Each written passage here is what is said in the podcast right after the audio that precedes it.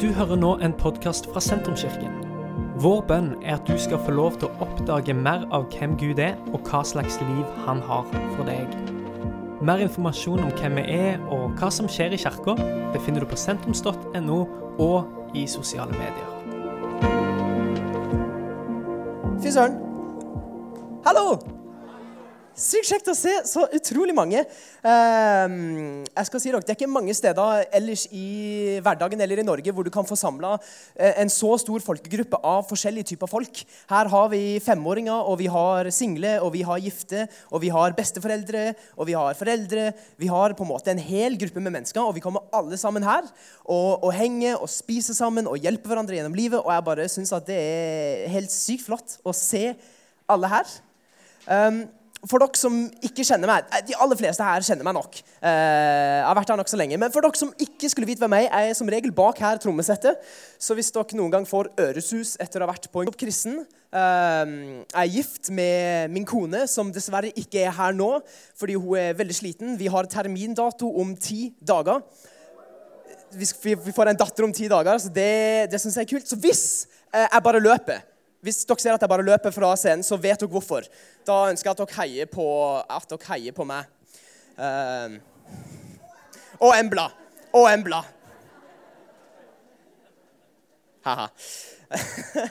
Jeg er ikke så utrolig glad i å lese, men i løpet av det siste året eh, så har jeg blitt veldig glad i denne boka. her. Eh, jeg har fått hjelp av mange, og jeg og Benjamin var nettopp i Makedonia. og Vi kjøpte til sammen 60 markeringstusjer, så han skulle hjelpe meg å liksom markere Bibelen. Så hvis dere trenger markeringstusjer, så har jeg noen ekstra. Eh, fordi det er veldig kjekt å fargelegge denne boka.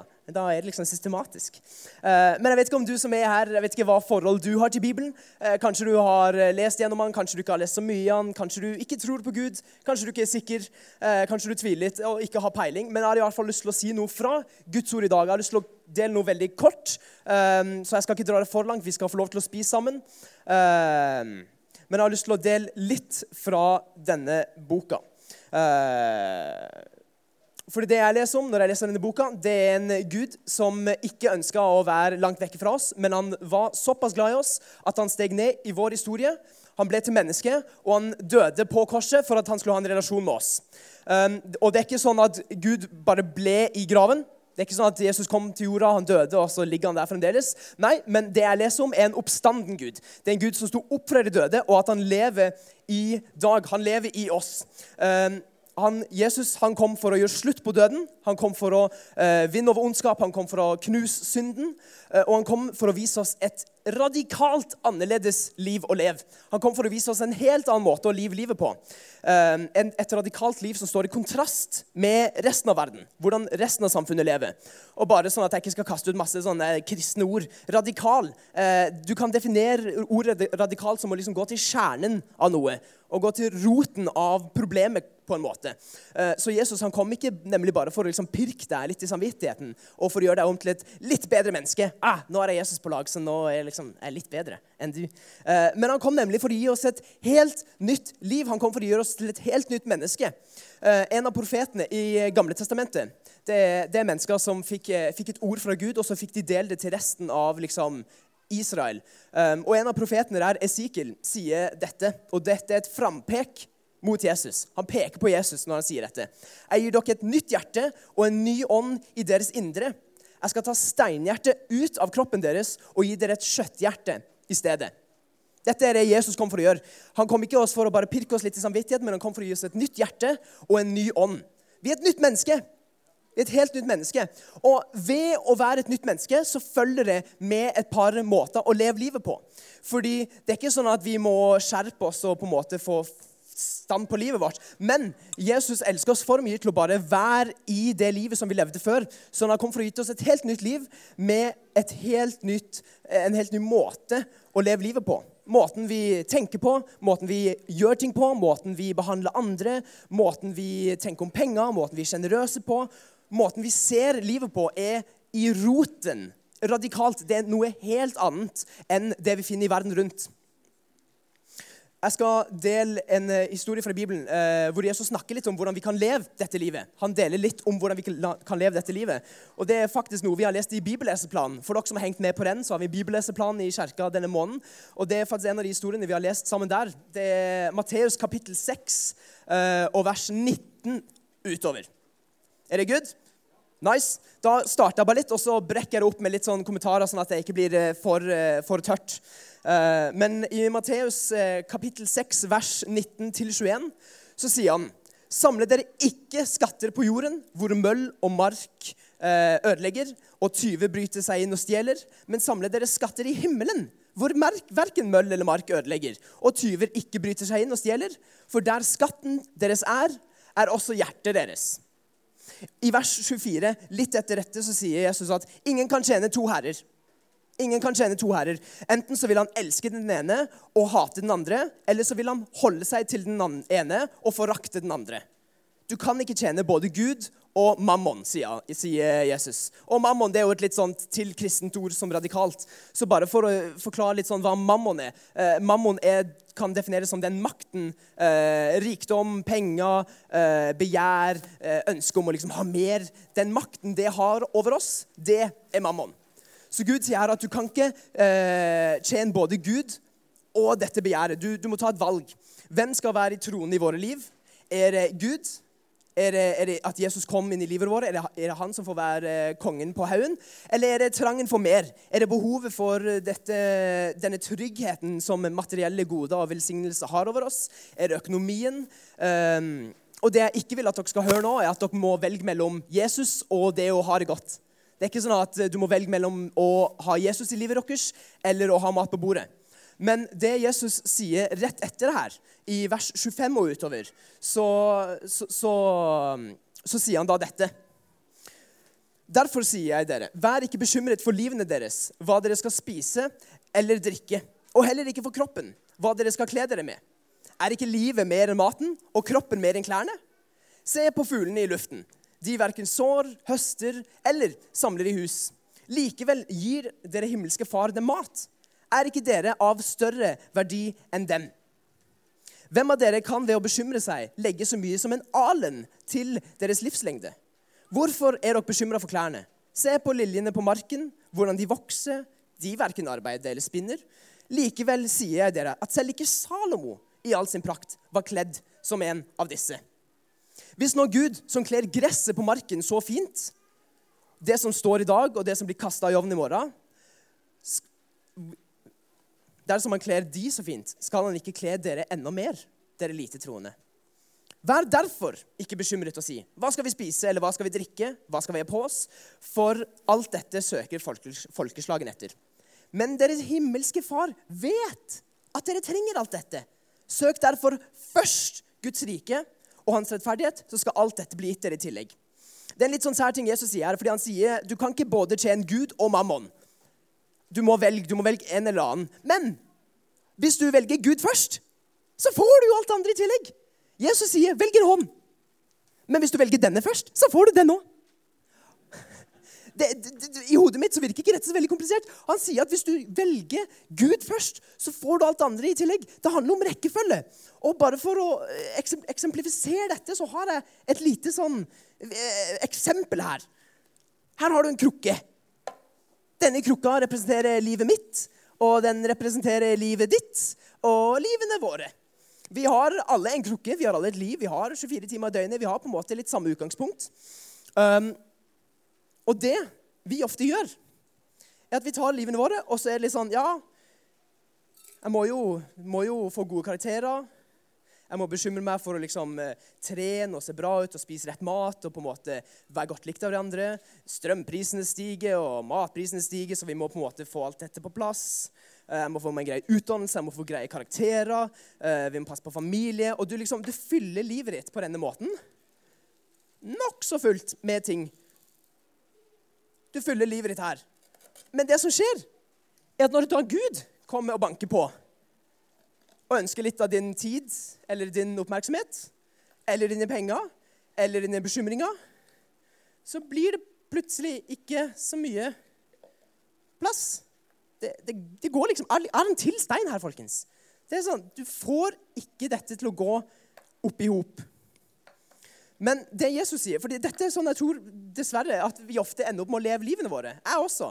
Men det Jesus gjør, han tar og snur dette helt på hodet.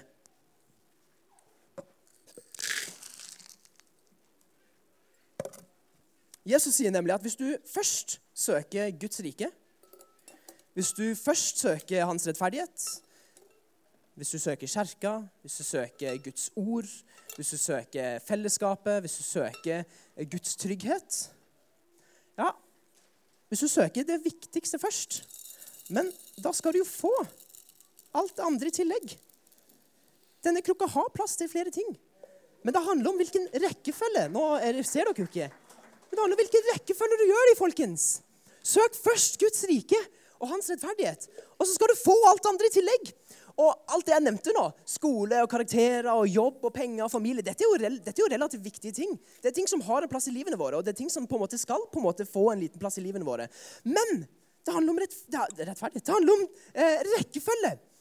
Søk først Guds rike og hans rettferdighet, så sørger Gud for at dere får alt andre i tillegg. For deres himmelske far vet jo at dere trenger alle disse tingene. Gud er ikke sånn, han, han levde jo på jorda. Han var jo et menneske. Han vet hva det innebærer. Han skapte oss. Han vet hva det innebærer å være et menneske med alle, alle våre bekymringer. Så når han sier disse tingene, så er det ikke bare en sånn fin metaforisk ja, søk Guds rike. Men han vet jo det er en oppskrift for hvordan vi kan leve livene våre, folkens. Velger du alt det andre først, da blir det fort ikke plass til Gud. Søk derfor først Guds rike og hans rettferdighet, så skal dere få alt det andre i tillegg. Jesus er ikke redd for at vi skal være velsigna og ha et godt liv. Uh, han sier jo derimot at vi ikke skal være bekymra. For Gud vet at vi trenger disse tingene. Og vi skal få disse tingene om vi først lar Guds rike få plass i våre hjerter. Hvis du søker det første først, la det viktigste være det viktigste. Når vi setter Gud først, så blir mammon, dette begjæret for å ha det godt, det blir bare penger igjen. Det blir bare til materielle ting igjen. Det har ikke makten over det. Gud er ikke redd for penger, men Gud, er, Gud vil ikke at, den, at, disse pengene skal få makten over oss. Den Jesus har satt fri, den er virkelig fri. Og vi er satt fri fra bekymringene fra dette livet. Bandet kan hive seg på. Jeg prøver ikke i dag, det, det, det, her er ikke en tiendetale for, eh, for den saks skyld, egentlig, og jeg prøver ikke å gi dere dårlig samvittighet for at å, dere er bekymra. Eh, og jeg prøver ikke å, å, å skape noen fordømmelse innad rommet her. fordi Romerne 8 sier at derfor er det nå ingen fordømmelse for de som er i Kristus Jesus. Det er ingen fordømmelse for de som er Jesus. og Det er ikke det som er budskapet mitt her. Jeg prøver ikke å gi noen dårlig samvittighet for at dere liksom er bekymra, eller at dere har det vanskelig, fordi det er reelle ting. Og det kan vi gi til Jesus. Men Jesus ber oss veldig enkelt om å se på naturen. Se på plantene. Se på fuglene. Hvorfor tror du Per Eivind er så sykt glad i fugler? Han er jo pastor. Han har lest det her mange ganger. Se på fuglene på himmelen. Det er, han, det er jo derfor han alltid snakker om fugler når han er her oppe. Han prøver å hjelpe oss, folkens. Se på fuglene og se på dyrene som blir tatt vare på. Og, og deretter så sier han, men se på dere selv. Er ikke dere av større verdi enn alle disse? Gud forsørger for naturen, Gud forsørger for dyrene. Er ikke vi av større verdi enn de? Og jeg må innrømme selv at jeg er rask til å tenke på alt det jeg vil ha, det jeg burde ha, det jeg skulle hatt. Det alle de andre har, og det jeg selv ikke har. Eh, det, selv nå, men selv nå i litt sånn sære tider, hvor jeg har en datter på vei, og strømprisene er dyre, og uh, jeg er inne i ny jobb, og ting er litt sånn stress, og jeg vet ikke helt hva jeg gjør egentlig, så kan jeg sitte i stua mi med snopeskåla. Jeg har varme i huset. Min kone sitter rett ved siden av meg, og jeg har et barn på vei. Jeg har ledere i kjerka her som vi også takker for. Vi har ledere i kjerka som eh, tar tid til oss. De setter ned arbeid og penger og interesse, og de lytter til oss. Jeg er så utrolig, ubegripelig, fantastisk velsigna. Jeg har det så ufattelig godt. Eh, og vi som er her, og vi som er i Norge, er jo på den grønneste treet. På den friskeste skogen. Helt oppe toppen i hele verden. Vi har det jo som plomma i egget vi har det så ufattelig godt i dette landet. Og til tross for at det kan være ting i livene, så har vi det utrolig godt. Um, og det jeg ønsker å, å si nå, er jeg, jeg, prøver, jeg, prøver, å spytte inn litt takknemlighet inn i oss. Fordi takknemlighet det er, det er, rett og slett bare en anerkjennelse at jeg har fått noe. Hvis Solveig gir meg en gave, så er jeg takknemlig for den gaven. Solveig har gitt meg noe, og jeg er veldig takknemlig. sant? Hvis dere etterpå gir meg en applaus, som jeg håper på, um, så, så, er jeg takknemlig for det, fordi det dere har gitt meg noe. sant? En takknemlighet er en anerkjennelse av at noe er gitt oss. Og hvis du ser rundt deg, Bibelen er veldig tydelig på at alt som er skapt, er skapt av Gud. Alt som blir ivaretalt, alt som er godt, er fra Gud, og alt det som blir gitt meg, det er gitt meg av Gud. Så jeg prøver bare å si at, en, at vi, vi anerkjenner at alt som er gitt oss, Alt det vi har, det er gitt oss av Gud. Og vi har det så godt. Og jeg ønsker at vi kan gå fra den søndagen med en takknemlig om at vi har det bra, og Gud faktisk har kontrollen. Jeg tror på det sterkeste at det er viktig at vi lar takknemligheten faktisk få en tydelig plass i, eh, i livene våre. Eh, for i det sekundet vi glemmer å være takknemlige, i det sekundet vi glemmer å minne oss på hvor godt vi egentlig har det, så tror jeg det er veldig rett å tenke på alle de andre tingene vi ikke har. I det sekundet jeg glemmer at jeg har det sykt bra i det huset jeg bor i, så skulle jeg tenke at ah, men jeg burde jo bodd på Gandal. Det er jo så nærme kjerka. Jeg må ta buss eller kjøre, men fy søren, jeg har jo et hus. Jeg har jo peis med ved i ovnen. Jeg har det så utrolig godt. Um, I det sekundet vi glemmer å være takknemlige, så tar mammon sjansen og, og griper han. Mammon tar sjansen og får makt over hjertene våre. Denne bekymringen, dette begjæret for å ha mer, disse tingene, disse pengene. Jeg trenger mer trygghet, jeg trenger mer sikkerhet. I det vi glemmer å være takknemlige, så tror jeg at det er så lett å gå inn på den stien hvor vi søker alt det andre først, i stedet for Gud. Å være takknemlig er en øvesak, folkens. Det er ikke sånn at noen eh, barn plutselig våkner opp en dag og så sier de takk for maten. Det er jo sånn at man må lære dem. Det er en takknemlighetssak. Det mer vi jobber med dette, det bedre blir vi på det. Og jeg har bare lyst til å si at Dette er jo ikke mine egne tanker, nødvendigvis, det er jo også det, men Bibelen er også veldig tydelig på dette med takknemlighet. Fordi I Filippebrevet eh, kapittel 4 så står det Vær ikke bekymret for noe, men la i alle ting deres bønneemner komme fram for Gud i bønn og påkallelse med takksigelse og Guds fred, som overgår all forstand, skal bevare deres hjerter og tanker i Kristus Jesus. I 1. Tessalonikerbrev, kapittel 5, så står dere det, det, det står veldig enkelt Gled dere alltid. Be uten opphold. Og takk under alle forhold. For dette er Guds vilje for dere i Kristus Jesus. Bibelen legger ikke skjul på at det er noe vakkert i dette med å være takknemlig. Og si takk for det vi har, og ikke være bekymra men sats på at Gud har kontroll. Tro på at Gud har kontroll. Og bare sånn rent praktisk, uh, fordi jeg liker å gjøre ting praktisk. Det er lett at ting bare blir en teori. Men bare sånn superkort. Vi tar 15 sekunder. Uh, det, vi, det, jeg at alle skal gjøre, bare sånn for seg selv eller sammen med familien sin, bare bruk 15 sekunder. nå. Jeg skal ikke si et ord i 15 sekunder. Bare tenk på en ting dere er takknemlige over. Tenk på en ting eller to eller tre som dere er takknemlige over. Og, og, og grunn på det. Takk Gud for det. Og etter det så skal jeg, så skal jeg be en bønn, og så, så spiser vi litt seinere. Høres det bra ut? Kult. Nå er jeg stille.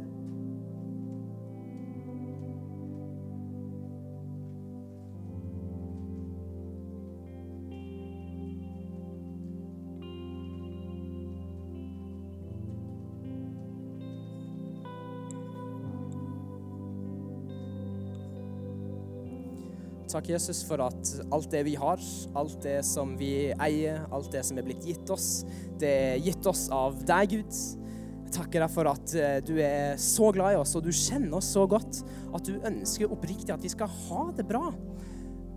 Jeg takker deg for at du har gitt oss en oppskrift her som vi kan få lov til å bruke i livene våre. At hvis vi først søker ditt rike, Gud, hvis vi først søker din rettferdighet, din kjerke, ditt ord, Gud Hvis vi først søker det som er viktigst, la det viktigste være først, så forsørger du, Gud. Du, du, gir oss alt det andre i tillegg. Jeg ber om at du hjelper oss her å være takknemlige for det vi har. At vi ikke skal falle i eh, fellen av å ønske mer, ønske det bedre. De har det, og han har det, og jeg skulle ønske jeg var som han. Men at du ber oss om å ikke være bekymra, og heller være takknemlige for det vi har, Gud. Jeg takker deg for at uh, du elsker oss, og at du har gitt oss alt det vi har. Og jeg ber om at uh, ved at vi er takknemlige, så velsigner du oss og at eh, vi kan få lov til å være en velsignelse for de rundt oss, Gud. Dette er slutten på denne podkastepisoden. Har du spørsmål om Jesus, om tro, om livet, så er du hjertelig velkommen til å ta kontakt med oss via sentrums.no.